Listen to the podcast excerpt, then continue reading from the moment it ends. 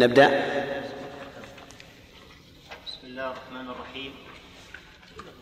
منظومة في أصول الفقه وقواعده. الحمد لله المعيد المبدي معطي النوال كل من يستجدي. النوالي معطي النوال كل من يستجدي. مثبت الأحكام بالأصول. معين من يصبو إلى الوصول. ثم الصلاة مع سلام قد أتم. على الذي أعطي جوامع الكلم محمد المبعوث رحمة الورى وخيرها وخير هاد لجميع من درى وبعد فالعلم بحور زاخرة. لن يبلغ لم يبلغ لن يبلغ الكادح فيه آخرة. كادح. وبعد فالعلم بحور زاخرة. لن يبلغ الكادح فيه آخرة. لكن في لكن لكن في أصوله تسهيلا. لنيله فاحرص تجد سبيلا وهاك من هذه الأصول جملا. لا فيه فيه بيت فاغتنم فاغتنم القواعد الأصول. ها؟ بعد لكن في أصولها فاغتنم القواعد الأصول.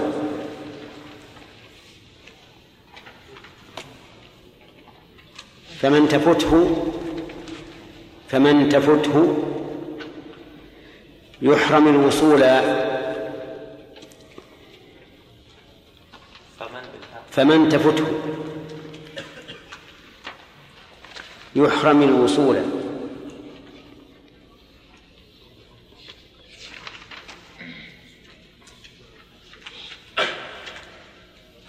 نعم. وهاك من هذه الأصول جملا. أرجو بها عالي الجنان نزلا. أرجو بها. أرجو بها عالي الجنان نزلا. قواعدا من قول أهل العلم وليس لي فيها سوى ذا النظم. بسم الله الرحمن الرحيم. الحمد لله رب العالمين وصلى الله وسلم على نبينا محمد وعلى آله وأصحابه ومن تبعهم بإحسان إلى يوم الدين. أما بعد فهذه منظومة في أصول الفقه وقواعد الفقه. والفرق بين أصول الفقه وقواعد الفقه أن أصول الفقه موضوع البحث فيها الأدلة من الكتاب والسنة والإجماع والقياس وما يتعلق بذلك. أما قواعد الفقه فموضوعها البحث في الفقه الذي هو العلم بالأحكام الشرعية الفرعية المتعلقة بأفعال المكلفين. فهي قواعد للفقه ما هي قواعد لأصول الفقه؟ إذن الفرق بينهما أن أصول الفقه موضوع البحث فيها الأدلة. كما عرفتم في الأصول قواعد الفقه موضوع البحث فيها الفقه لكنها تجد لكنها تكون قاعدة تشتمل على فروع متعددة. ومن أمثلة ذلك قواعد ابن رجب. الحنبلي تلميذ ابن القيم رحمه الله. فإن له كتابا سماه القواعد الفقهية يذكر القاعدة وما يتفرع عنها من المسائل. وهو كتاب عظيم لكنه يحتاج إلى شخص قد بلغ من الفقه منزله لأن فيه صعوبة. هذه المنظومة التي نبدأ فيها الليلة إن شاء الله هي في الحقيقة من نظمي أنا. وما نظمتها من أجل أن تكون كتابا يدرس لأني لست من أهل النظم. أبقى في البيت لأنظمة يمكن مدة. نعم. لأنني لأن من لا يعرف العجين يجعله حجرا. ولكن نظرا إلى أن أنني رأيت أن النظم يسهل حفظه ويبقى في الذهن أو يبقى في الحافظة أكثر.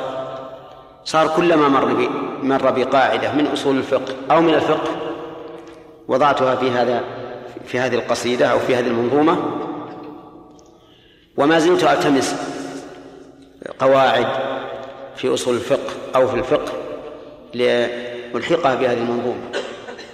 يعني تعتبر هذه ليست منتهية. أما هذه المنظومة فأظنها الآن تبلغ ها؟ أربعة وثمانين بيتا.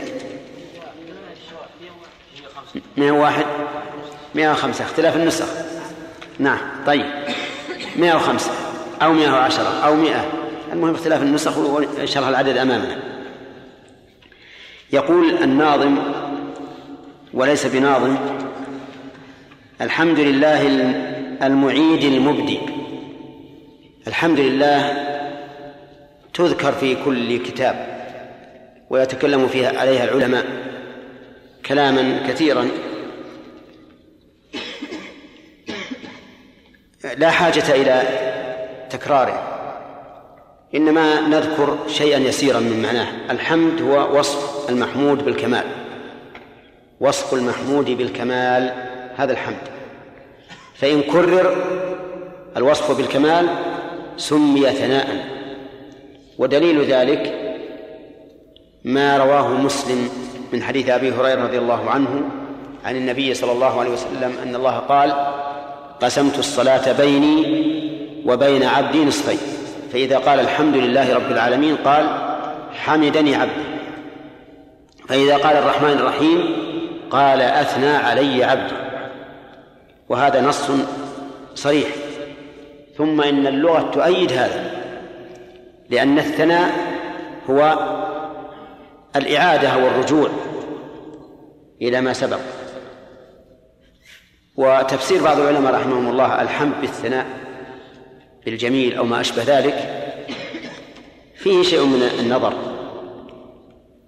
والصحيح ما ما ذكرناه وقول لله الله اسم من أسماء الله عز وجل وهو أصل الأسماء ولهذا لا يأتي إلا متبوعا إلا فيما يحضرني الآن إلا آية واحدة. فإنه جاء تابعا. وذلك في سورة إبراهيم. حين قال سبحانه وتعالى إلى صراط العزيز الحميد الله الذي له ما في السماوات. فجاء عطف بيان على ما سبق تابعا. وإلا فإن جميع الأسماء تتبعه. ويخطئ جدا من أنكر أن يكون من أسماء الله. فكيف نقول إن الله ليس من أسماء الله؟ والله وفي القرآن الكريم بسم الله باسم الله. إذن فالله من أسماء الله.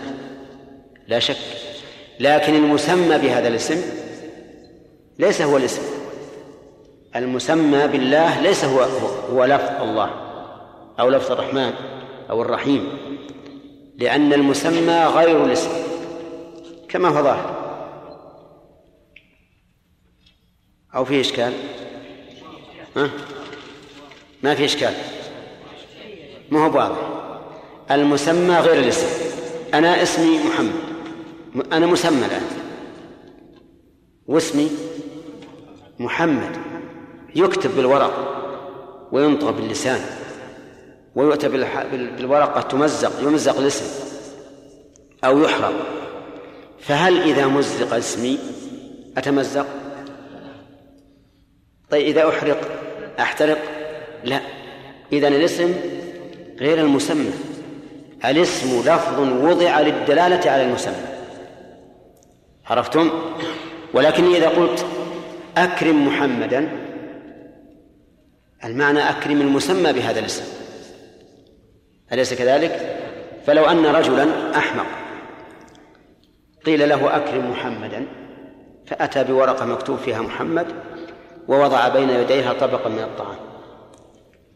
وقال أنا أكرم محمدا أشوف محمد مكتوب. أكرمه بهذا الطبق من الطعام. ماذا يقول الناس؟ نعم. سول بدر. ها؟ يقال مجنون. إذن فالاسم غير المسمى. الاسم لفظ وضع إيش؟ للدلالة على المسمى. فالله عز وجل فالله كلمة الله لفظ للدلالة على مسماه وهو رب العالمين عز وجل فهو اسم من أسمائه لا شك في هذا. والحديث الذي فيه الإدراج وإن كان الإدراج ضعيفا في أسماء الله لما قال إن لله تسعة وتسعين اسما قال هو الله الذي لا إله إلا هو وبدأ به. نعم. بل إن في سورة الحشر هو الله الذي لا إله إلا هو الملك القدوس السلام المؤمن إلى قوله له الأسماء الحسنى. طيب. ومعنى الله الإله لكن حذفت الهمزة لكثرة الاستعمال. والإله والله هو المألوه الذي له الخلق يتعبدون له ويتذللون له محبة وتعظيما. ولا إله حق إلا الله عز وجل. كل ما سوى الله مما يدعى بالآلهة فهو باطل. كما قال تعالى ذلك بأن الله هو الحق وأن ما دون من دونه هو الباطل. وقوله المعيد المبدي. هذان الوصفان مأخوذان من قوله تعالى إنه هو يبدئ ويعيد. فهو الذي يبدأ الأشياء وهو الذي يعيدها. كما قال تعالى وهو الذي يبدأ الخلق ثم يعيده. فالبدء من عنده والعود إليه عز وجل. قال الله تعالى وأن إلى ربك المنتهى. والمعيد والمبدي هنا ليس من أسماء الله ولكنهما من أوصافه كما نقول المتكلم ليس من أسماء الله لكنه يوصف بأنه متكلم. وهنا قد نقول إن في هذه. إن في هذين الاسمين براعة استهلال. براعة استهلال. نعم؟ استهلال نعم. أتعرفون براعة الاستهلال؟ براعة الاستهلال أن يأتي الناظم أو المؤلف في خطبة الكتاب بما يدل على موضوع الكتاب. بما يدل على موضوع الكتاب. فمثلا إذا كنت أؤلف كتاب فقه فأقول الحمد لله الذي فقه من أراد به خيرا في الدين. نسمي هذا براعة استهلال يعني أن هذا من براعة الكاتب أو المؤلف أنه أتى بالخطبة بما يدل على موضوع مؤلفه. هنا ممكن أن نقول المبدي المعيد المبدي فيها براعة استهلال. لأن الأصول ترجع إليها إيش؟ الفروع. والقواعد ترجع إليها المسائل التي تفرع عليها. ففيه إبداع وفيه إعادة. قال معطي النوال كل من يستجدي. معطي النوال بالكسر. وهو اسم فاعل مضاف إلى مفعوله الأول. والمفعول الثاني كل. أما الفاعل فمستتر. معطي هو أي الله عز وجل. والنوال هو العطاء. معطي النوال أي معطي العطاء كل من يستجدي أي من يسأل. والاستجداء هو الطلب. فالمعنى أن الله عز وجل يعطي العطاء كل من يطلبه منه. لقول الله تعالى وقال ربكم ادعوني أستجب لكم. ولا سيما في الأوقات أو الأمكنة أو الأحوال التي ترجى فيها إجابة الدعاء الدعاء. فالأوقات كآخر الليل وبين الأذان والإقامة والأحوال ككون الإنسان ساجدا. فإن أقرب ما يكون عبد من ربه وهو وهو ساجد. والأماكن كالأماكن التي يطلب فيها الدعاء مثل الطواف وكذلك الأماكن الفاضلة الدعاء فيها أقرب إلى الإجابة من الأماكن الأخرى. مثبت الأحكام بالأصول. هذه براعة استدلال واضح. أوضح من الأول. مثبت الأحكام بالأصول أي بأصولها. وأصول الأحكام أدلة الأحكام. فالأدلة أصول وسميت أصولا لأن الأحكام تبنى عليها. ولهذا تجدون في المغني إذا جاء إذا أتى الخرقي بالمسألة يقول الأصل في هذا قوله تعالى. وش معنى الأصل؟ أي الدليل؟ فالأحكام هي ما ما يثبت بخطاب الشرع من إيجاب أو تحريم أو كراهة أو أو حل أو استحباب. والأصول هي الأدلة.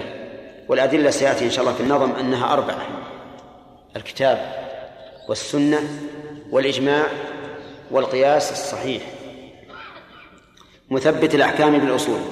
وعلم من قول مثبت الأحكام بالأصول أن ما لا دليل له فليس بثابت. ما لا دليل له فليس بثابت. لأن الدليل بمنزلة البينة بل إن الله سماه بينة. لقد أرسلنا رسلنا بالبينات. طيب فإذا قال إنسان الضابط هل الضابط أن كل شيء له دليل؟ أو من الأشياء ما دليله إيجابي ومنها ما دليله عدمي؟ ها؟ الثاني الأدلة قد تكون عدمية فيقال الدليل عدم الدليل وقد تكون إيجابية فيقال الدليل قوله تعالى. فإذا قال قائل مثلا هذا النوع من البيع حرام. هذا هذا النوع من البيع حرام. نقول له أين الدليل؟ لأن الأصل أن البيوع حلال. الأصل أنها حلال. وإذا قال قائل هذا البيع حلال فطولب بالدليل. ماذا يقول؟ يقول الدليل عدم الدليل. ما في دليل يدل على التحريم. والأصل هو الحل. طيب إذن قولنا مثبت الأحكام بالأصول. الأصول هي الأدلة قد تكون عدمية وقد تكون إيجابية. معين من يصبو إلى الوصول. معين من يصبو يصبو بمعنى يميل. ومنه سن الصبا لأن الغالب أن الصبي سريع الميلان. كل شيء يجذبه وكل شيء يصرفه. هذا الغالب. ولهذا سمي سن الصبا ولا الصبا ما هي الصبا الريح الشرقية. الريح الشرقية تسمى الصبا ومنه الحديث نصرت بالصبا وأهلكت عاد بالدبور. الدبور الريح الغربية. معين من يصبو إلى الوصول. كل إنسان يصبو إلى الوصول. ويستعين بالله عز وجل فإن الله يعينه. أما الإنسان الكسول الذي لا يصبو إلى الوصول وإنما يريد أن يمضي الأوقات فقط ويقتلها فإن هذا يذهب عليه دهره سبهللا لا يستفيد. لكن الإنسان يعمل بجد ويريد أن يصل إلى غاية إلى غاية حميدة فهذا يعان ويصل إلى مقصوده. ولهذا يجب على علينا نحن ونحن نطلب العلم أن يكون لنا هدف نسعى إلى الوصول إليه. لا أن نريد بس إمضاء الوقت. هدف. لماذا نطلب العلم؟ للوصول إلى الغاية. أن أعلم وأتعلم وأعمل وأتعلم وأدعو. أعلم. ثم أعمل. ثم أعلم. ثم أدعو. هذه غايتي لا بد يكون هذه الغاية. العامل العابد وش, وش غايته؟ غايته الوصول إلى الله عز وجل إلى مرضاة الله. يبتغون فضلا من الله ورضوانا.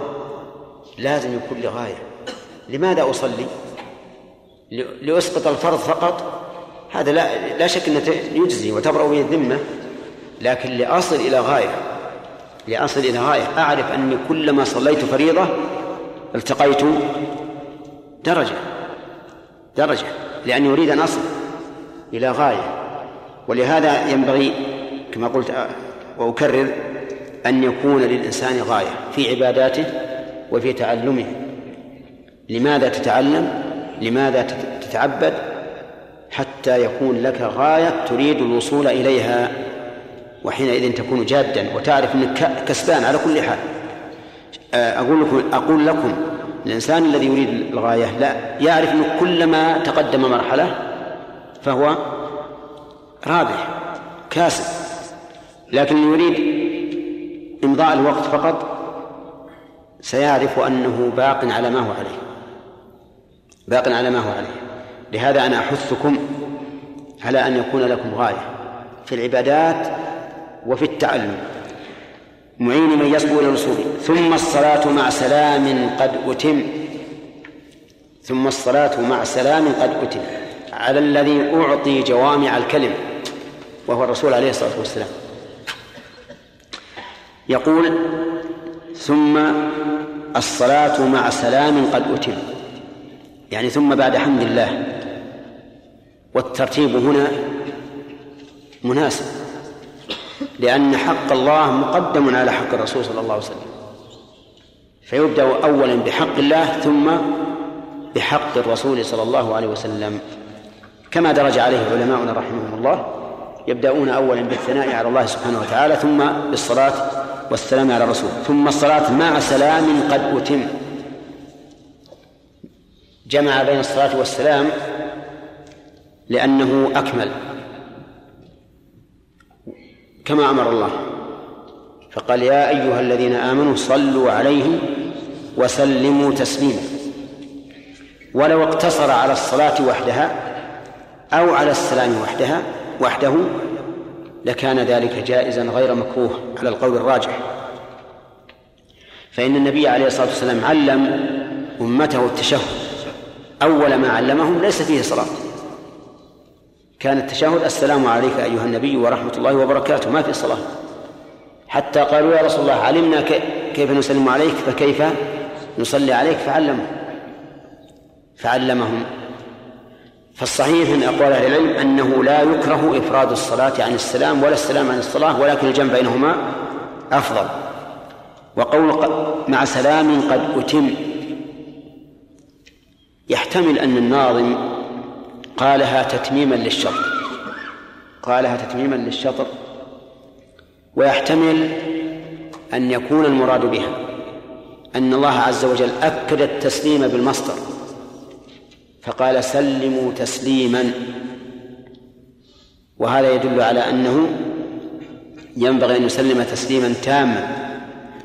لأن المصدر يفيد إيش؟ التأكيد. يفيد التأكيد كما قالوا في قوله تعالى وكلم الله موسى تكليما إنه يفيد تأكيد الكلام ونفي المجاز. طيب مع سلام قد أتم الصلاة في اللغة وفي الشرع التعبد لله بأقوال وأفعال معلومة مفتتحة بالتكبير مختتمة بالتسليم. وهنا نقول ما الفائدة أن نعرف معناها في اللغة ومعناها في الشرع؟ الفائدة هو أن الصلاة إذا جاءت في كلام أهل اللغة تحمل على عرفهم على الدعاء. وإذا جاءت في كلام الشرع تحمل على عرف الشرع وهي العبادة. ذات الأقوال والأفعال المعلومة المفتتحة بالتكبير المختتمة بالتسليم. ما لم يوجد دليل على أن هذا هو غير على أن هذا غير المراد فإن وجد دليل على أن هذا غير المراد فإنها لا تحمل عليه. مثل قوله تعالى خذ من أموالهم صدقة تطهرهم وتزكيهم بها وصل عليهم. الصلاة هنا الدعاء قطعا. ودليل ذلك أن الرسول صلى الله عليه وسلم فسرها بفعله. فكان إذا أتاه قوم بصدقتهم قال اللهم صل على آل فلان. طيب. صلاة الله على رسوله أصح ما قيل فيها وأحسن ما قيل فيها أنها ثناؤه عليه في الملأ الأعلى. أن الله يثني عليه في الملأ الأعلى وهم الملائكة. يذكره بالخير ويكرر ذلك. ونحن إذا صلينا عليه مرة صلى الله علينا بها عشرا ولله الحمد. ولهذا ينبغي أن نكثر من الصلاة على النبي صلى الله عليه وسلم بقدر المستطاع. يقول أما السلام فالسلام اسم مصدر سلم. والمصدر من سلم تسليم. ككلام مصدره تكليم واسم المصدر. ها؟ لا مثل كلم مثل كلم مصدره تكليم واسم المصدر من كلام. طيب السلام هو السلامة من الآفات الحسية والمعنوية.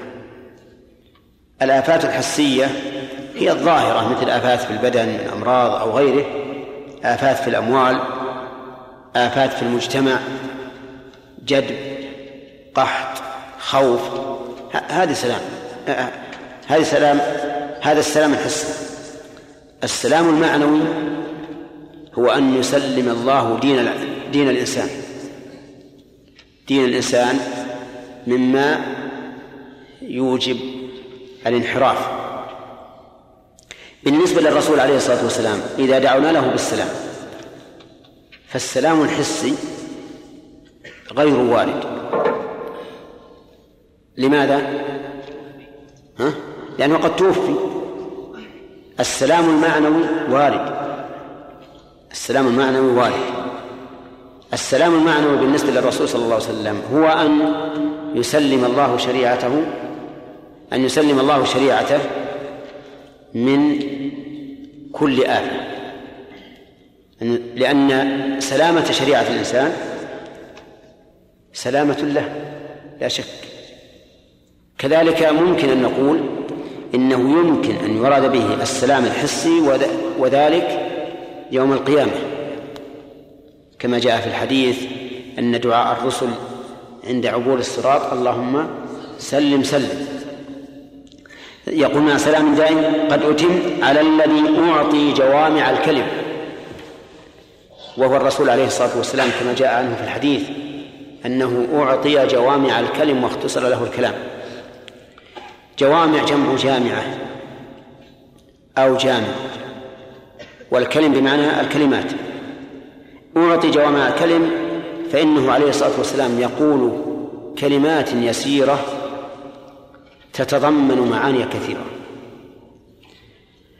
من عمل عمل ليس عليه أمرنا فهو رد. هذا كلام قليل لكنه يملأ الصحائف بمعناه. إنما الأعمال بالنيات قليل لكن يتضمن صحائف. المسلم من سلم المسلمون من لسانه ويده قليل لكنه يتضمن صحائف. وهلم جرا تجد في كلمات الرسول عليه الصلاة والسلام كلمات يسيرة لكن تحمل معاني كثيرة. ومن ذلك أيضا لما أخبر النبي عليه الصلاة والسلام بل لما شك إلى النبي صلى الله عليه وسلم أن الإنسان يجد في نفسه شيئا يحب أن يكون فحمة ولا يتكلم به أمر عليه الصلاة والسلام بالاستعاذة بالله من الشيطان الرجيم. وأن يقرأ الإنسان الله أحد الله الصمد لم يلد ولم يولد ولم يكن له كفوا أحد. وكذلك قال إن الناس يتساءلون من خلق كذا من خلق كذا حتى يقولوا من خلق الله. فإذا وصل الإنسان إلى حال إلى هذه الحال فليستعذ بالله ولينتهي. تجد الفلاسفة الذين تكلموا على مسألة التسلسل عندما جاءوا على من خلق الله نعم ملأوا الصفحات كلاما هراء لا تخرج منه بفائدة. لكن فليستعذ بالله ولينتهي انتهى. قل أعوذ بالله من الشيطان الرجيم وأعرض عن هذا. والفطرة تدلك على أن الخالق هو الله. المهم الرسول صلى الله عليه وسلم أعطي جوامع الكلم. ولا ينافي هذا أن النبي صلى الله عليه وسلم أحيانا يسهب في المقال. يسهب في المقال. ويقول قولا موسعا. وذلك في الحال التي إيش؟ تقتضي ذلك. لأن لكل مقام مقالا. فالنبي عليه الصلاة والسلام من حيث الأصل قد أعطي جوامع الكلم ولكنه أحيانا يسهب لدعاء الحاجة إلى ذلك. كما نجد في القرآن الكريم الآيات التي نزلت في مكة غالبها إيش؟ الاختصار. غالبها الاختصار. والجمع. الآيات التي نزلت في المدينة الغالب فيها البسط والاتساع لأنها لأن لكل مقام مقالا. طيب. محمد المبعوث رحمة الورى. محمد هذا علم من أسماء النبي صلى الله عليه وسلم وله أسماء متعددة. منها في القرآن محمد وأحمد. في القرآن محمد وأحمد. أين أين هي في القرآن محمد؟ محمد رسول الله. وما محمد إلا رسول قد خلت من قبل الرسل. أحمد ومبشرا برسول يأتي من بعدي اسمه أحمد. وسبحان الله الذي ألهم عيسى أن يقول أحمد بدل محمد. لأن أحمد اسم تفضيل. تدل على أنه أحمد الناس لله. وعلى أنه أحق الناس بالحمد أي أن يحمد. لأنه يخاطب بني إسرائيل. حتى يعرف بنو إسرائيل فضل النبي صلى الله عليه وسلم وقدره قبل أن يبعث. ولا يفضل عليه أحدا.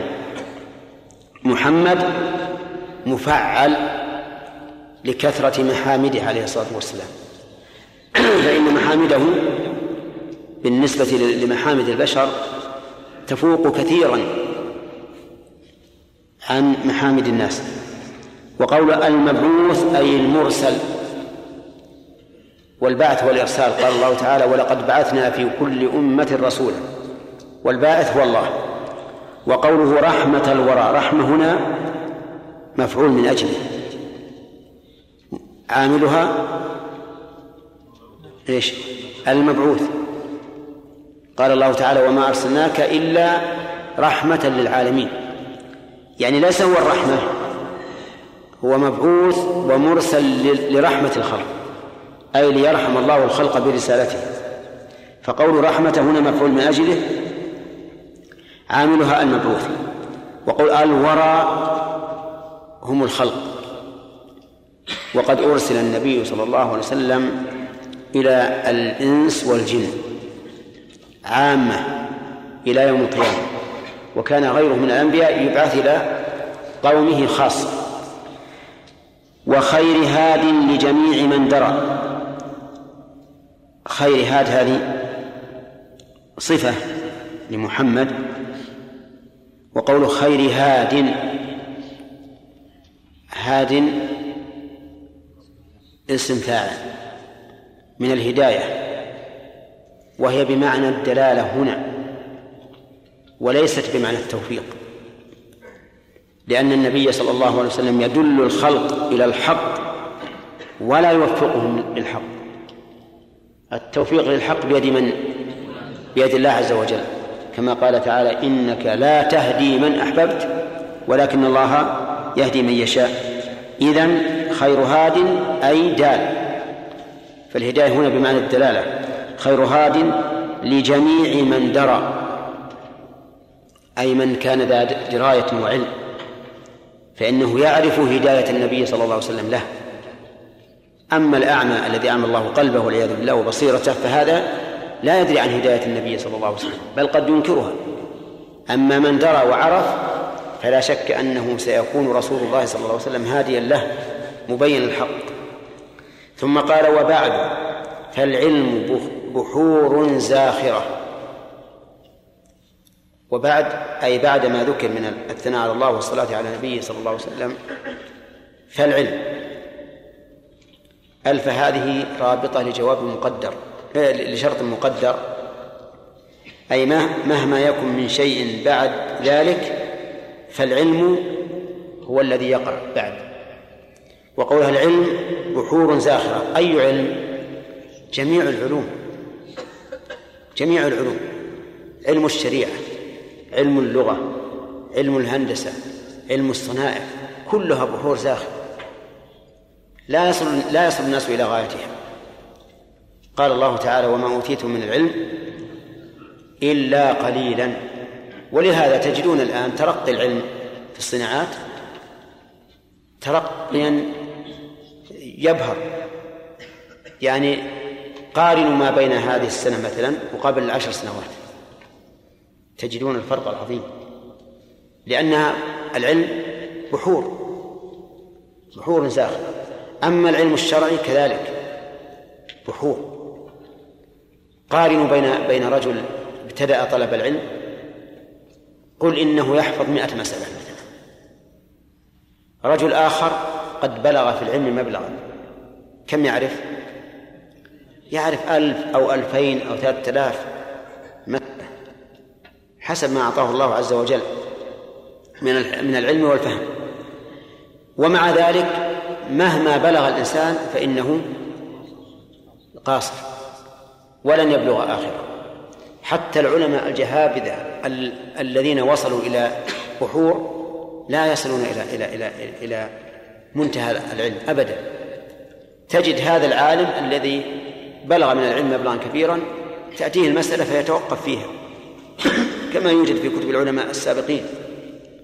تجد يحكي الخلاف مثلا ولا يرجح. حكايته للخلاف من دون ترجيح يعني أنه متوقف. وإلا كان الواجب عليه أن يرجح لأجل أن يبلغ الناس بعلمه. لكن إذا قال فيها قولان للعلماء وسكت ولم يرجح فهذا يعني أنه متوقف. وإلا لبين ما يرى أنه الحق. لن يبلغ الكادح فيه آخرة. لن يبلغ الكادح. الكادح هو المجد في العمل. المجتهد في العمل لا يمكن أن يبلغ آخر العلم. صح؟ نعم هذا هو الواقع. وهو الذي يدل عليه قوله تعالى وما أوتيت من العلم إلا قليلا. ولكن ولكن الناظم استدرك فقال لكن في أصوله تسهيلا لنيله فاحرص فاحرص تجد سبيلا. لكن في أصوله أي أصول العلم تسهيلا لنيله.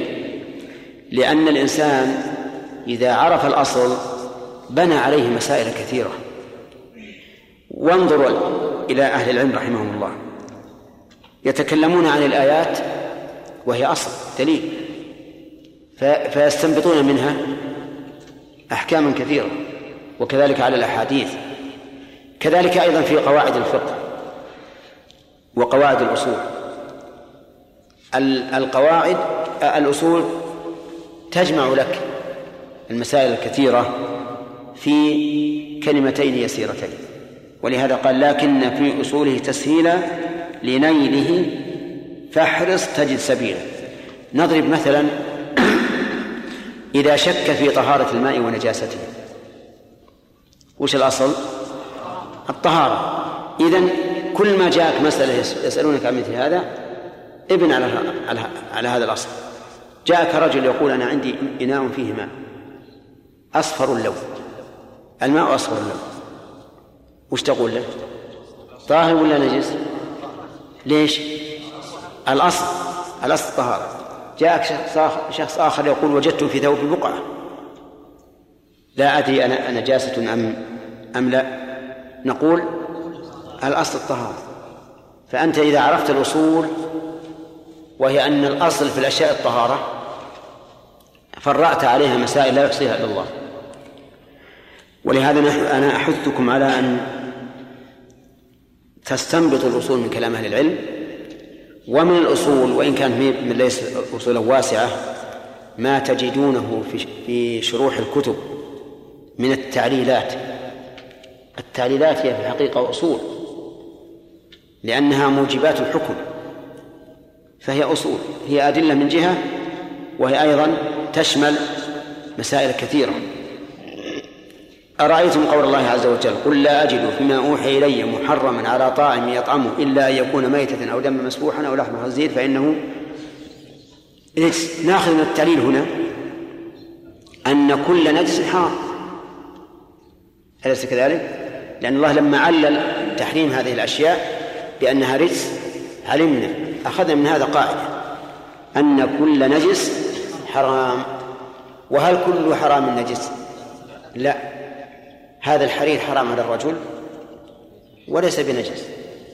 المغصوب حرام وليس بنجس.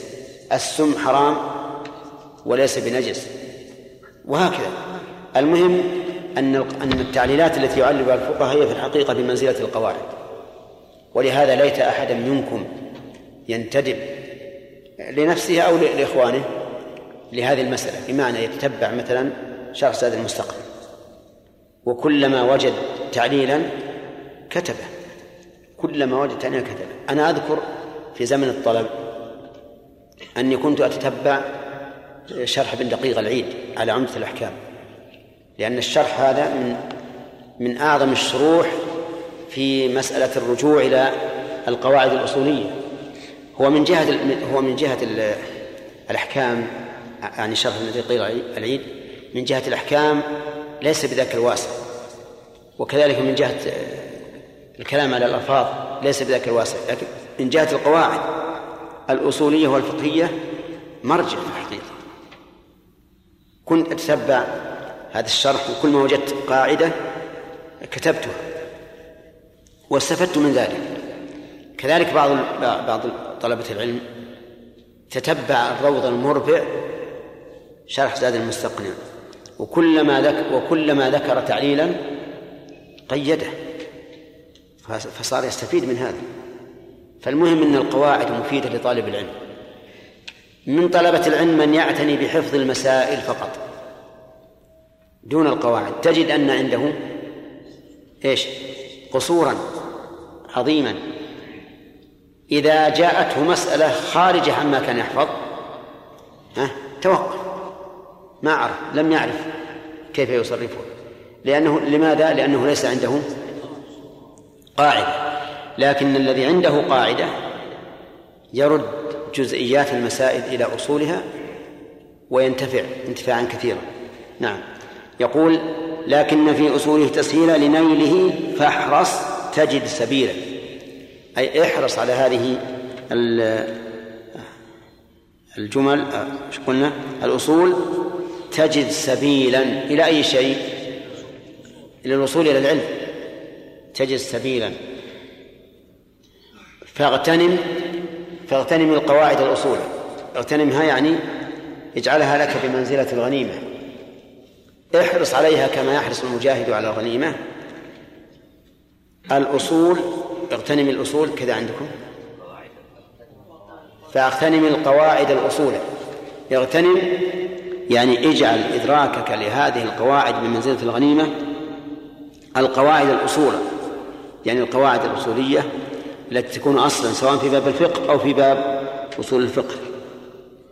فمن تفته يحرم الوصول. تفته هنا جزمناها لأنها فعل الشرط. ويحرم جزمناها لأنها جواب الشرط لكن حركناها بالكسر لالتقاء الساكنين.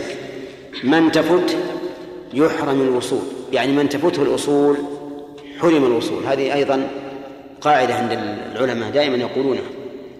يقول من فاتته الأصول حرم الوصول وصدق.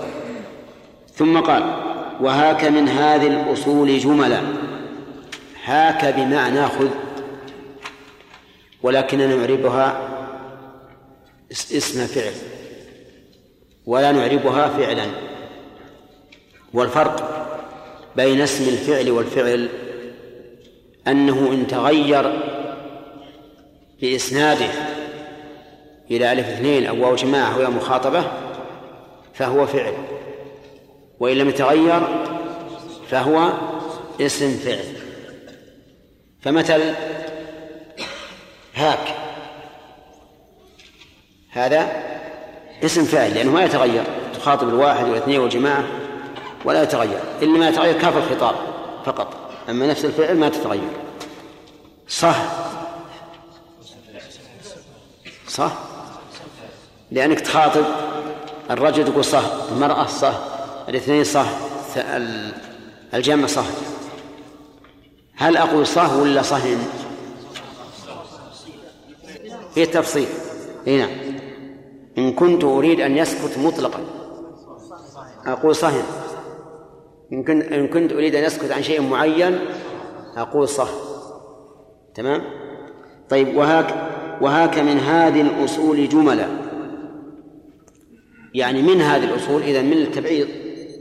يعني أننا لم نأتي بجميع الأصول أرجو بها عالي الجنان نزلا. يعني أسأل الله بها عالي الجنان أي العالي منها. وهي الفردوس أسأل الله يجعلني وإياكم منها من أهلها. وقوله عالي حذفت الياء هنا من أجل النظم. وإلا كان الواجب أن يقال عاليا والجنان جمع جنة وهي دار الخلد التي أعدها الله للمتقين. وقوله نزلا أي منزلا أو ضيافة. ثم قال قواعدا من قول أهل العلم. قواعدا ولا قواعدا قواعد لأنها لا تنصرف لكن صرفت من أجل النظم قواعدا. ولهذا قال ابن مالك رحمه الله ولإضطرار أو تناسب صرف ذو المنع والمصروف قد لا ينصرف. قواعدا من قول أهل العلم وليس لي فيها سوى ذا النظم. يعني ما جئت بها من كيسي إنما أتيت بالنظم والكلام لأهل العلم. فالفضل فيهم في هذه القواعد لله عز وجل ثم لأهل العلم الذين سبقونا. والله أعلم. نعم؟ إيه تحفظ. جلال. حفظ أحسن. نعم. ها؟ إيش تقول يا بدر؟ نعم. الأسبوع الجاي. تسميعي تسميع. نعم؟ إن شاء الله. بسم الله الرحمن رب العالمين والصلاة والسلام على نبينا محمد وعلى آله وأصحابه ومن تبعهم بإحسان إلى يوم الدين. قال القواعد والأصول. هذا عنوان لما سيذكر بعد من القواعد والأصول الفقهية والأصولية. وقد مر بنا الفرق بين القواعد الفقهية والقواعد الأصولية بأن القواعد الأصولية تبحث في في الأدلة في أدلة الأحكام والقواعد الفقهية في نفس الأحكام. تكون قواعد تجمع مسائل جزئية من الفقه لا من أدلة الفقه. يقول المؤلف الدين جاء لسعادة البشر والانتفاء الشر عنهم والضرر. هذا هو القاعدة الأساسية للدين الإسلامي أنه جاء لسعادة البشر ليس في الدين فقط ليس في الآخرة فقط بل هو في الآخرة والأولى. قال الله عز وجل من عمل صالحا من ذكر أو أنثى وهو مؤمن فلنحيينه حياة طيبة. هذا سعادة الدنيا. ولنجزينهم أجرهم بأحسن ما كانوا يعملون هذا سعادة الآخرة.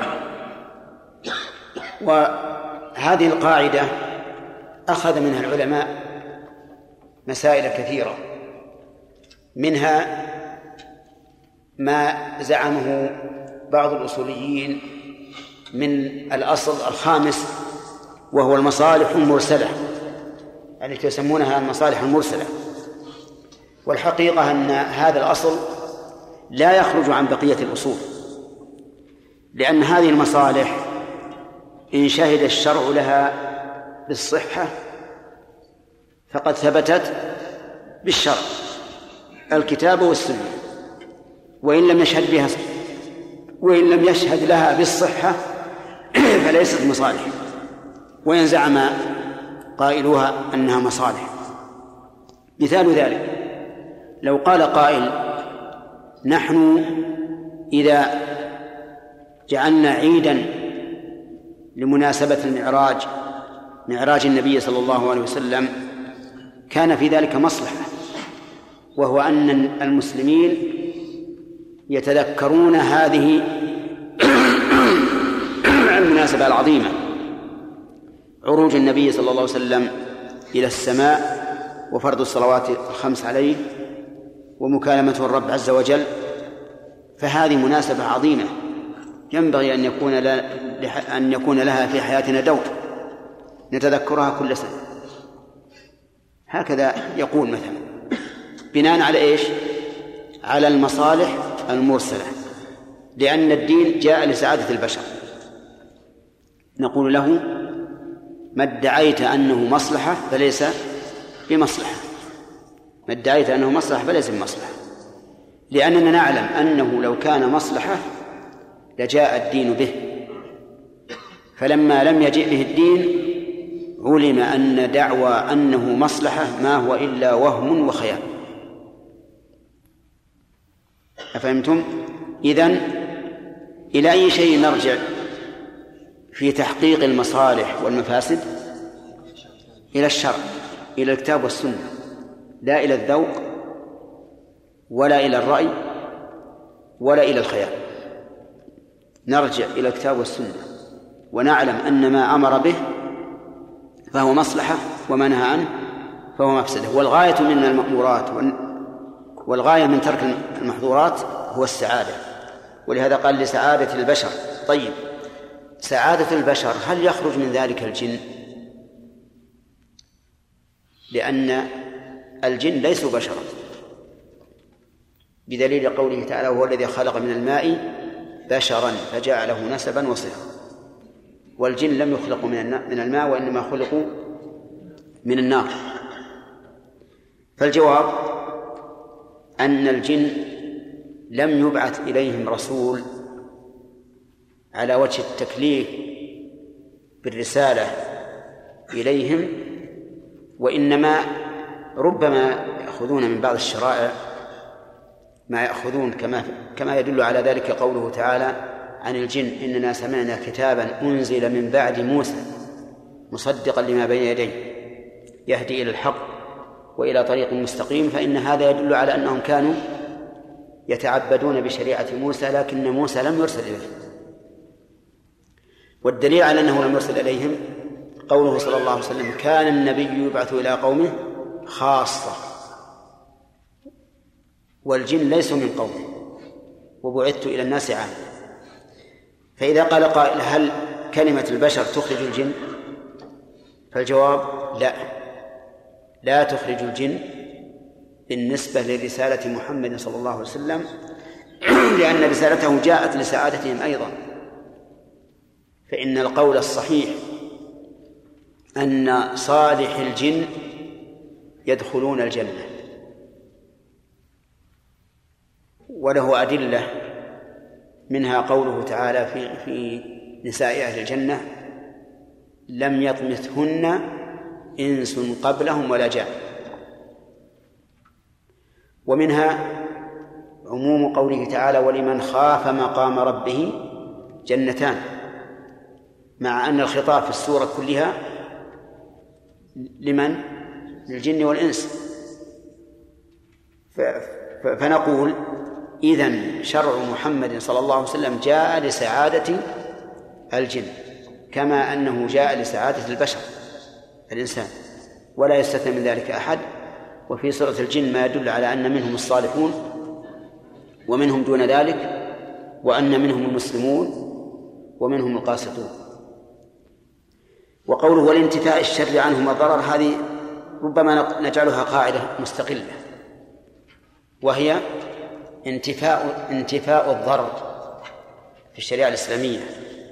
الضرر مدفوع ومرفوع. الضرر في الشريعة الإسلامية مدفوع ومرفوع. والفرق بين قولنا مدفوع ومرفوع أن المدفوع يكون قبل نزوله والمرفوع يكون بعد نزوله فالشرع لا يمكن أن يقر ضررا بل ينفي الضرر مهما كان.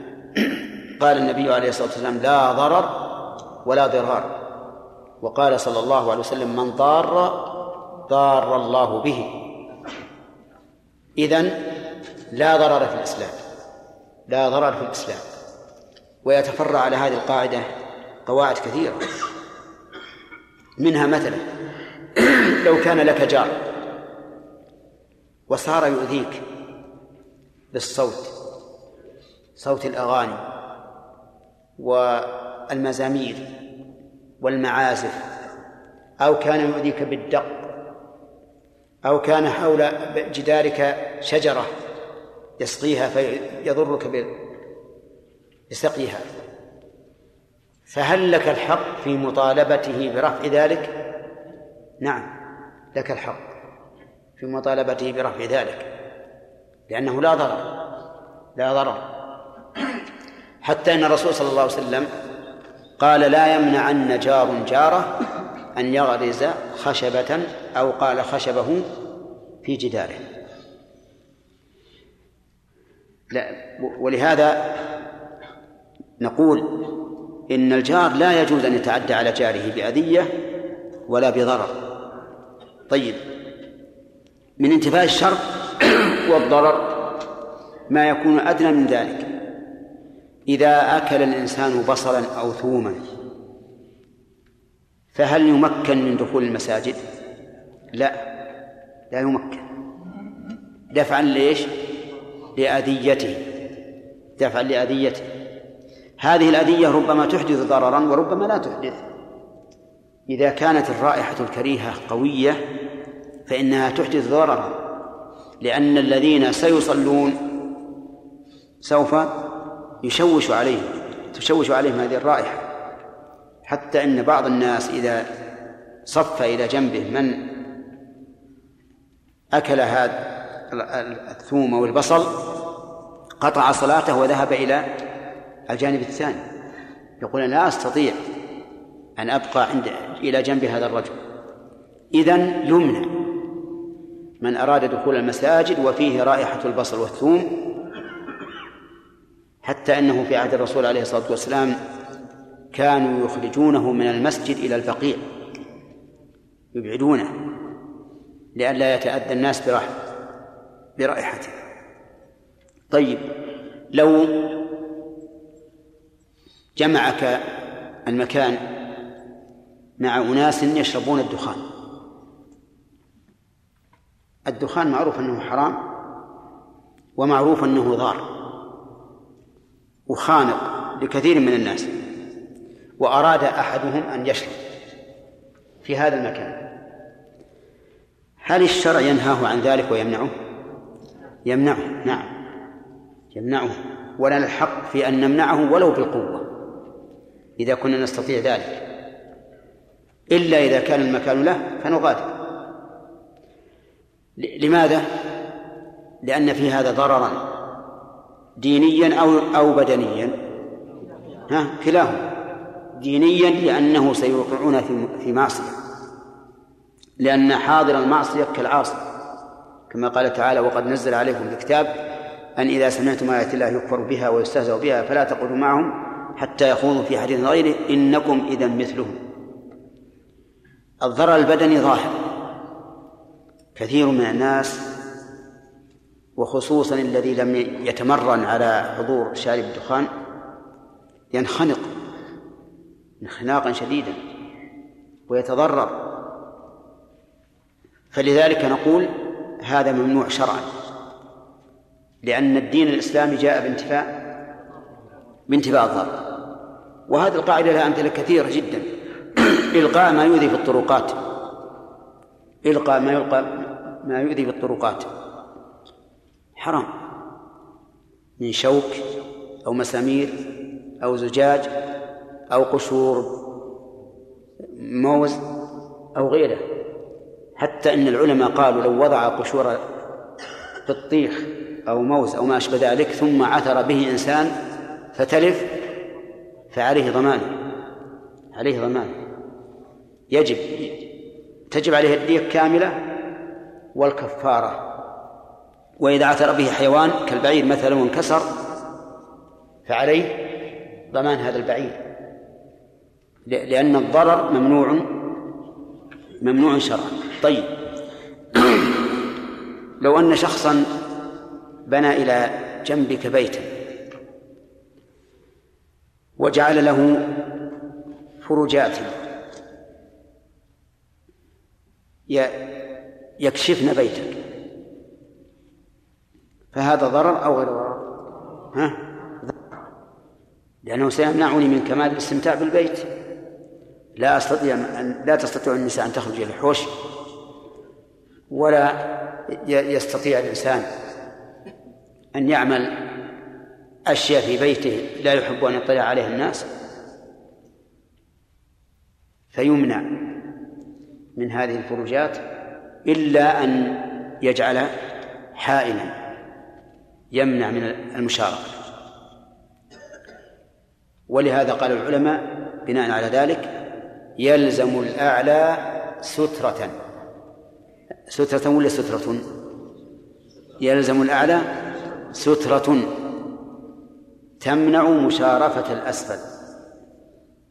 حتى وإن لم يكن إلى جنبه لو فرضنا بينهم شارع ولكنه يشرف عليه فإنه يلزم صاحب البيت المشرف أن يجعل سترة تمنع مشارفة الأسفل. حتى لو فرض أن النظام لو ارتفعت المسألة لا لا يمنع ذلك. فإن الشرع يمنعه. يمنعه. ولهذا لا يحل لأحد أن يستعمل النظام ضد أحد فيما يخالف الشريعة. نحن بلغنا أن أناسا اشتكوا من ذلك من جيرانهم. وأنه وأنه قيل لهم إن النظام لا يمنع هذا لا يمنع أن يكون فرجك على جارك تكشفه. فنقول هذا النظام باطل. كل نظام يخالف الشرع فاجعله تحت أقدامك. ومن أحسن من الله حكما لقوم يوقنون. نقول أنت يوم القيامة أنت يا هذا الجار الذي وضعت هذه الأشياء التي تشرف على صاحبك أنت يوم القيامة لن لن تسأل عن النظام. ستسأل عن إيش؟ عن الشرع. ويوم يناديهم فيقول ماذا أجبتم المرسلين؟ وكما أن الشرع ممنوع وكما أن الشر ممنوع ومدفوع فيما بين الناس هو أيضا الضرر الضرر مدفوع ومرفوع فيما يتعلق بحق بحق الرب عز وجل. لو أن الإنسان تضرر من استعمال الماء لو تضرر من استعمال الماء في الطهارة. ماذا نقول؟ نقول تيمم. تيمم وجوبا. ما هو تيمم؟ رخصة وجوبا. لأن الضرر شرعا ممنوع. قال الله تعالى ولا تقتلوا أنفسكم إن الله كان بكم رحيما. وهذه الآية استدل بها عمرو بن عاص رضي الله عنه حين تيمم من الجنابة. ولم يغتسل. لأنه كان لأن الليلة كانت باردة وخاف على نفسه واستدل بهذه الآية وأخبر بها النبي عليه الصلاة والسلام النبي صلى الله عليه وسلم وضحك. ضحك إقرارا أو إنكارا. إقرارا أقر. طيب إذن الضرر منتف حتى فيما بين معاملة الإنسان ومعاملة الله بين معاملة الإنسان مع ربه. الضرر منتف. لو قال قائل أنا إذا سجدت تضررت العملية في عيني ماذا نقول له؟ نقول لا تسجد. يجب أن تومي إيماء لأن الضرر منتف شرعا. هذه هذا أصول هذه أصل من أصول الإسلام. الإسلام جاء لجلب المصالح ودفع ودفع المضار. نعم.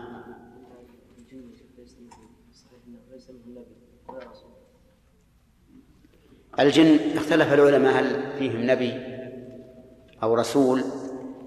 فقال بعض بعض العلماء إن فيهم. والذي يظهر لي أنه ليس فيهم رسول. لأن الله تعالى قال في إبراهيم ونوح ولقد أرسلنا نوحا وإبراهيم وجعلنا في ذريتهما النبوة والكتاب. ومعلوم أن الجن ليسوا من ذرية نوح ولا من ذرية إبراهيم. فالصحيح أنه ليس منهم رسول.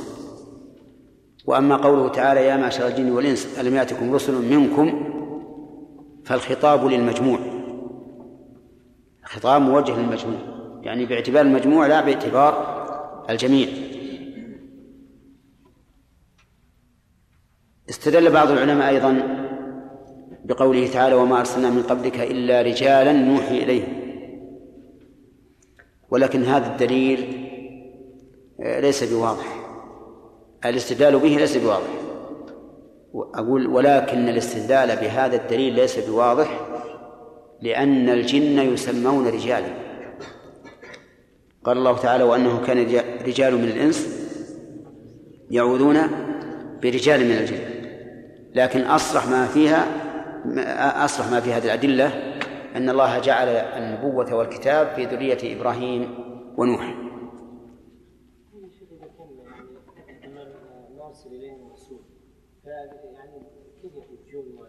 كيف؟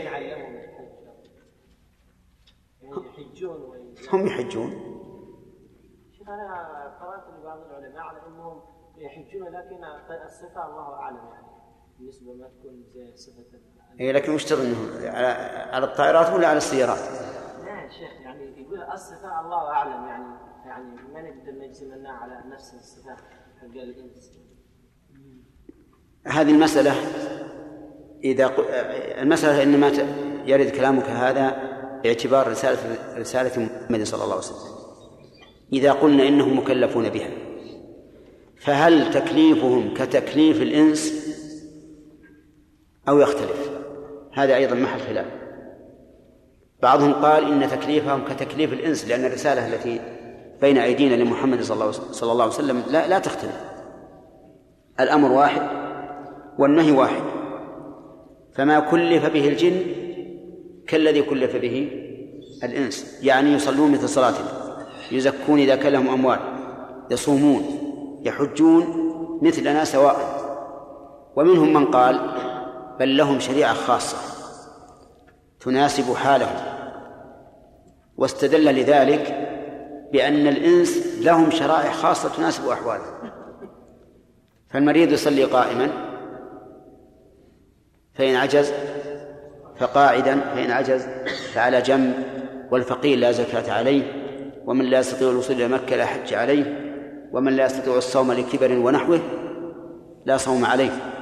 فقال إذا كان الشرع فاوت بين البشر في التكليف لاختلاف أحوالهم فاختلاف التكليف بين الجن والإنس إيش؟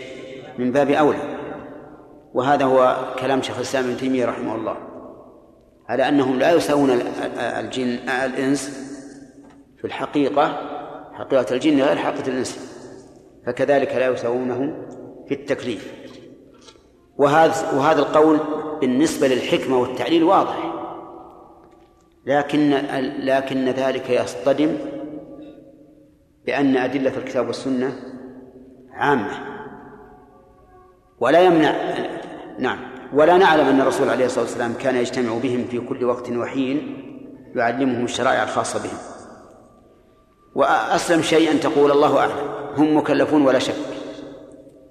وملزمون بشريعة محمد صلى الله عليه وسلم. أما كيف يؤمرون وينهون هذا فوق.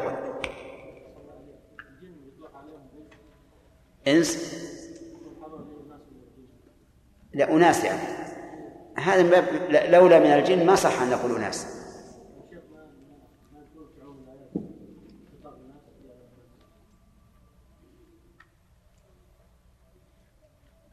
ربما يدخلون. ولكن قوله تعالى يا أيها الناس إنا خلقناكم من ذكر وأنثى وجعلناكم شعوبا قد يمنع هذا.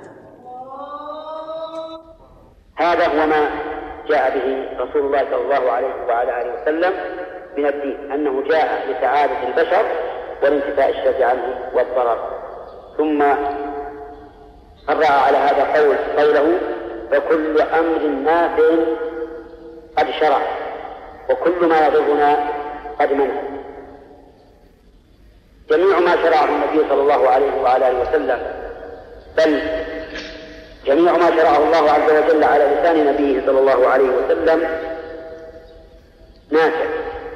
لكن منه ما يظهر نفعه ويتبين لكل أحد ومنها ما لا يظهر نفعه للخلق إلا بعد حين. لكن النهاية والغاية أنه نافع كذلك أيضا ما يضر قد منعه الله عز وجل. والضرر قد يكون معلوما حادثا وقد يكون منظورا بالعاقبة أرأيت, أرأيت لو أن إنسان أخذ مئة درهم بمئة وعشرة إلى أجل. هذا محرم. لكن قد يقول بعض الناس ما الذي يحرمه هذا ليس فيه ضرر. ينتفع الآخذ بالثمن الحاضر وينتفع المعطي بزيادة الثمن المؤجل. ففي كل واحد فلكل واحد منهما منفعة الآخذ ينتفع بالحاضر الذي أخذه حاضرا والمعطي ينتفع الثمن له في مقابل التأجير. قلنا نعم هذا لأول وقت. ولكن عند التحقق وعند التأمل يتبين أنه ضرر عظيم لأن هذا يؤدي في النهاية إلى قلب الديون وأكل الربا أضعاف مضاعفة فإن الإنسان إذا عرف أنه تجوز الزيادة في مقابل الأجل في بيع دراهم بدراهم. قال إذا كلما امتد الأجل يجب أن تثبت الزيادة وحينئذ يكون ممن يأكل الربا أضعاف مضاعفة وهذا هو الذي نهى الله عنه وبين أنه ظلم. فقال تعالى يا أيها الذين آمنوا لا تأكلوا الربا أضعاف مضاعفة. وقال تعالى يا أيها الذين آمنوا اتقوا الله وذروا ما بقي من الربا إن كنتم مؤمنين. فإن لم تفعلوا فأذنوا بحرب من الله ورسوله وإن تبتم فلكم رؤوس أموالكم لا تظلمون ولا تظلمون. قد يقول قائل أنا سأقتصر على هذه الزيادة ولا أزيدها بزيادة الأجل أو التأخير. ثم لو ثبت هذا لك فإنه لا يثبت لغيره إذ أنه ليس كل إنسان يكون على جانب من الورع ولهذا سد النبي صلى الله عليه وسلم سد الله عز وجل الباب نهائيا لئلا يتمادى الناس بأكل الربا وظلم المعسرين على كل حال كل أمر ضار ممنوع شرعا ويبقى النظر في مناطق في مناطق الضرر. هل هو ما يقيسه الإنسان في عقله القاصر أو أنه أو أن نقول كل ما منعه الشرع فإنه ضار. كل ما أمر به فإنه نافع. فعليك به عليك بما أمر الله به. وعليك أن تجتنب كل ما نهى الله عنه. لأن كل نافع. لأن كل مشروع نافع وكل ممنوع ضار. ثم قال ومع تساوي ضرر ومنفعة يكون ممنوعا لدرء المفسدة. هذا أيضا من القواعد. إذا كان في الشيء ضرر ونفع على وجه السواء فإنه يجب أن يكون ممنوعا وذلك درءا للمفسدة. وفي هذا يقول العلماء درء المفاسد أولى من جلب المصالح. وذلك لأن لأن المفسدة المساوية للمنفعة آه لأن المفسدة المساوية للمصلحة والمضرة المساوية للمنفعة قد تغلب وتزيد على المصلحة في المستقبل لأن حدثها قد يؤثر على القلب وعلى العمل فيحصل بذلك الشر والفساد. ولهذا أمثلة نأتي بها إن شاء الله. قال الناظر وكل ما كلفه قد يسر من أصل وعند عارض فرع يعني كل ما كلف الله به العباد من هذا الدين فإنه ميسر. ودليل ذلك قوله تبارك وتعالى إن ذكر أحكام الصيام مع مشقته قال يريد الله بكم اليسر ولا يريد بكم العسر. وهذه الإرادة هذه الشرعية يعني أن الله تعالى شرع الدين تيسيرا عليه. وقال الله تبارك وتعالى وما جعل عليكم في الدين من حرج ملة أبيكم إبراهيم. وقال الله تبارك وتعالى ما يريد الله ليجعل عليكم حرج ولكن يريد ليطهركم. فكل شيء كلف الله به العباد فهو يسير. وقال النبي صلى الله عليه وسلم إن الدين يسر. ولن يشاد الدين أحد إلا غلبه. وكان يدعى في البعوث ويقول يسروا ولا تعسروا وبشروا ولا تنفروا فإنما بعثتم ميسرين ولم تبعثوا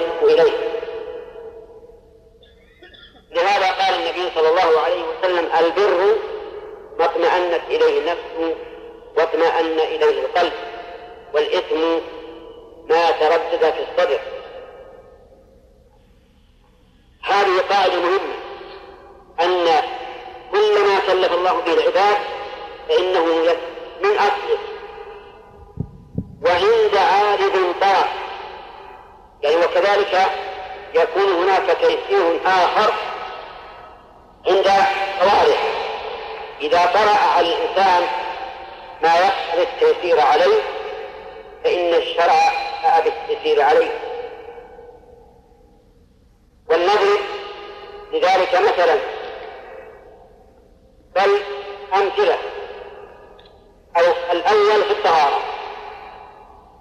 يجب على الإنسان أن يتطهر بالماء سواء كان عن حدث أصغر أم عن حدث أكبر فإن كان مريضا ويخشى على نفسه فإنه يتيمم.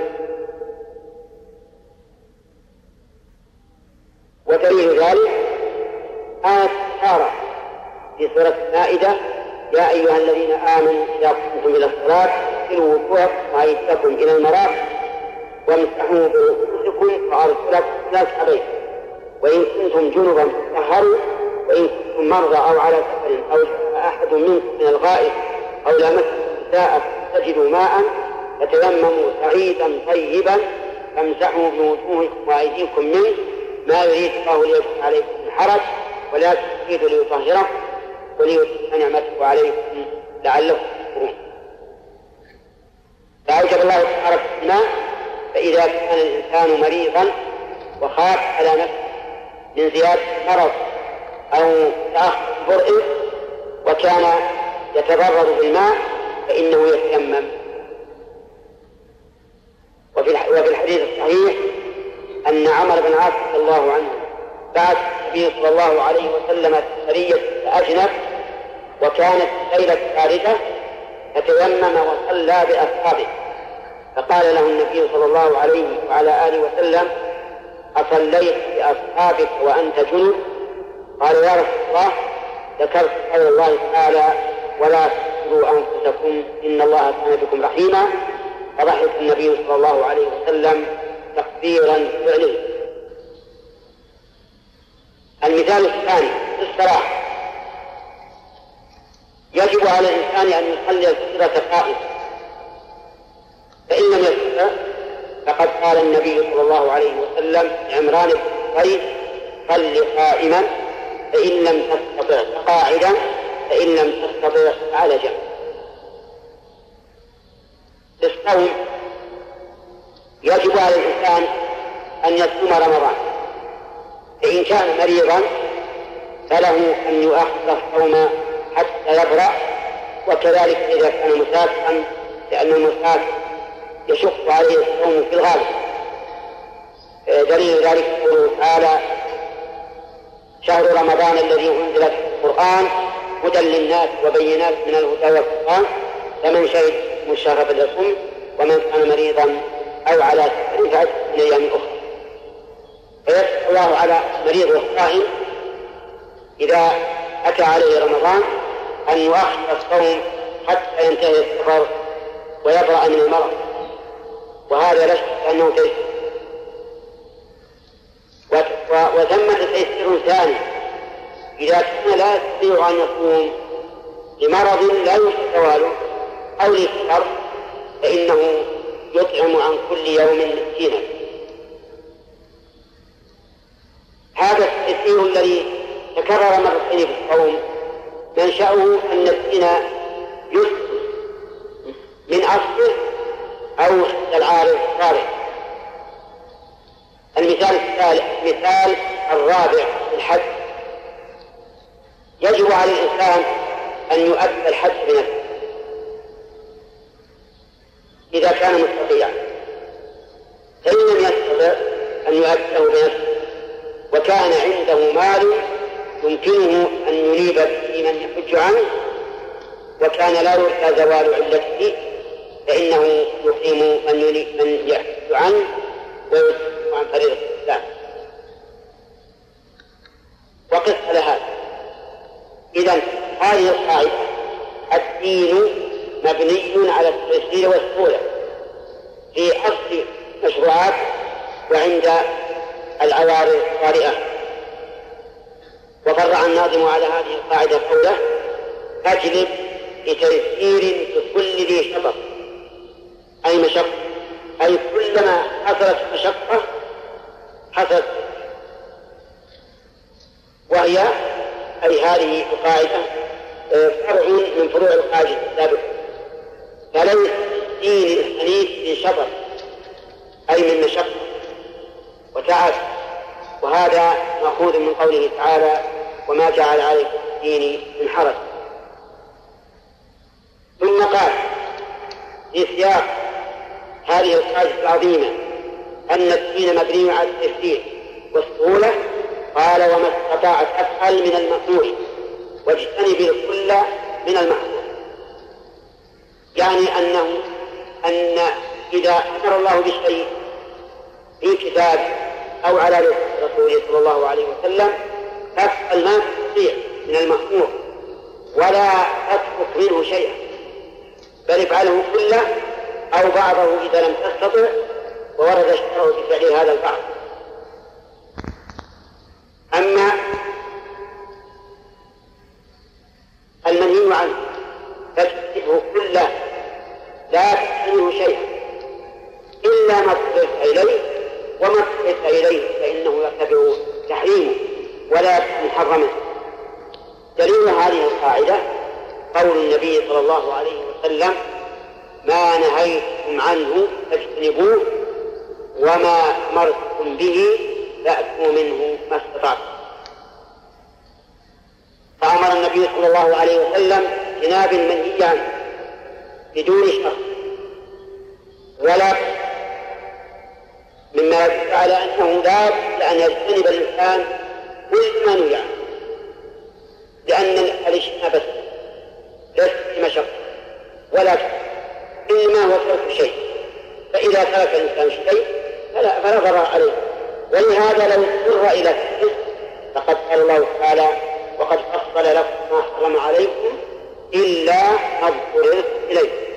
يعني فإنه لا ليس فيه تحريم وعلى هذا فيكون ما يفعل من المحرم عند الضرورة ليس ليس اتصف بالحرام بل هو حلال مباح. أما الأمر فقال الله تبارك وتعالى فاتقوا الله ما استطعتم. وقال تعالى والذين يؤتون ما آتوا وقلوبهم وجلة أنهم إلى ربهم راجعون.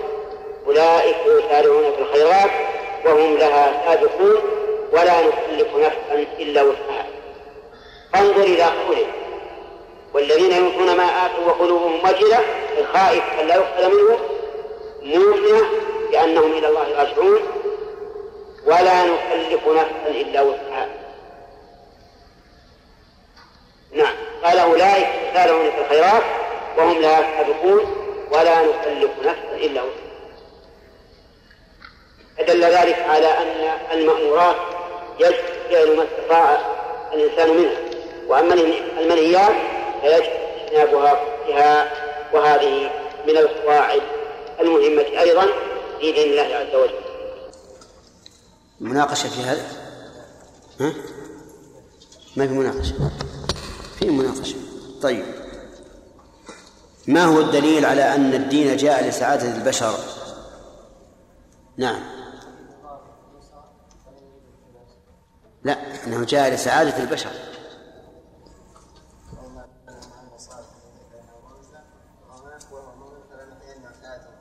نعم. طيب. وما هو الدليل على أنه جاء لانتفاء الشر والضرر؟ نعم. لا ضرر ولا ضرر أحسنت. طيب. كل أمر نافع قد شرع الدليل؟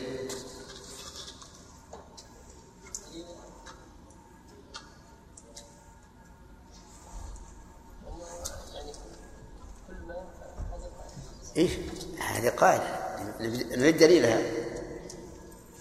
إذا كانت عبادة كيف؟ إذا كانت عبادة أي نعم. غير عبادة؟ أي نعم صحيح. هذا هذا معنى النار طيب. لا لا. والله يمكن نستدل به لكن إحنا استدلنا بغير هذا.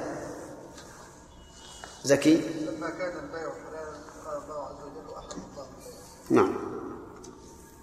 وغيره لما كان الصلاة نافعة والزكاة كذلك أمر بها أمر بها. قال وأقيموا الصلاة والزكاه هذا ينفع. إذا معناه شرعه تعبدا في العبادة وحلا في غير العبادات. طيب. قال الله عز وجل في وصف النبي صلى الله عليه وسلم يحل لهم الطيبات ويحرم عليهم الخبائث. إذا تساوى الضرر والمنفعة. ها. فيمنع. فيمنع. ما هو الدليل؟ نعم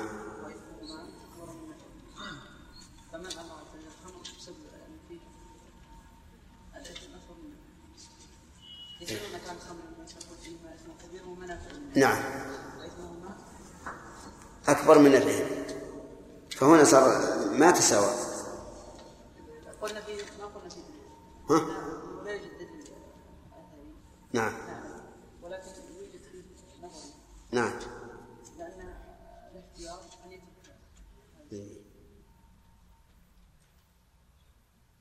صحيح؟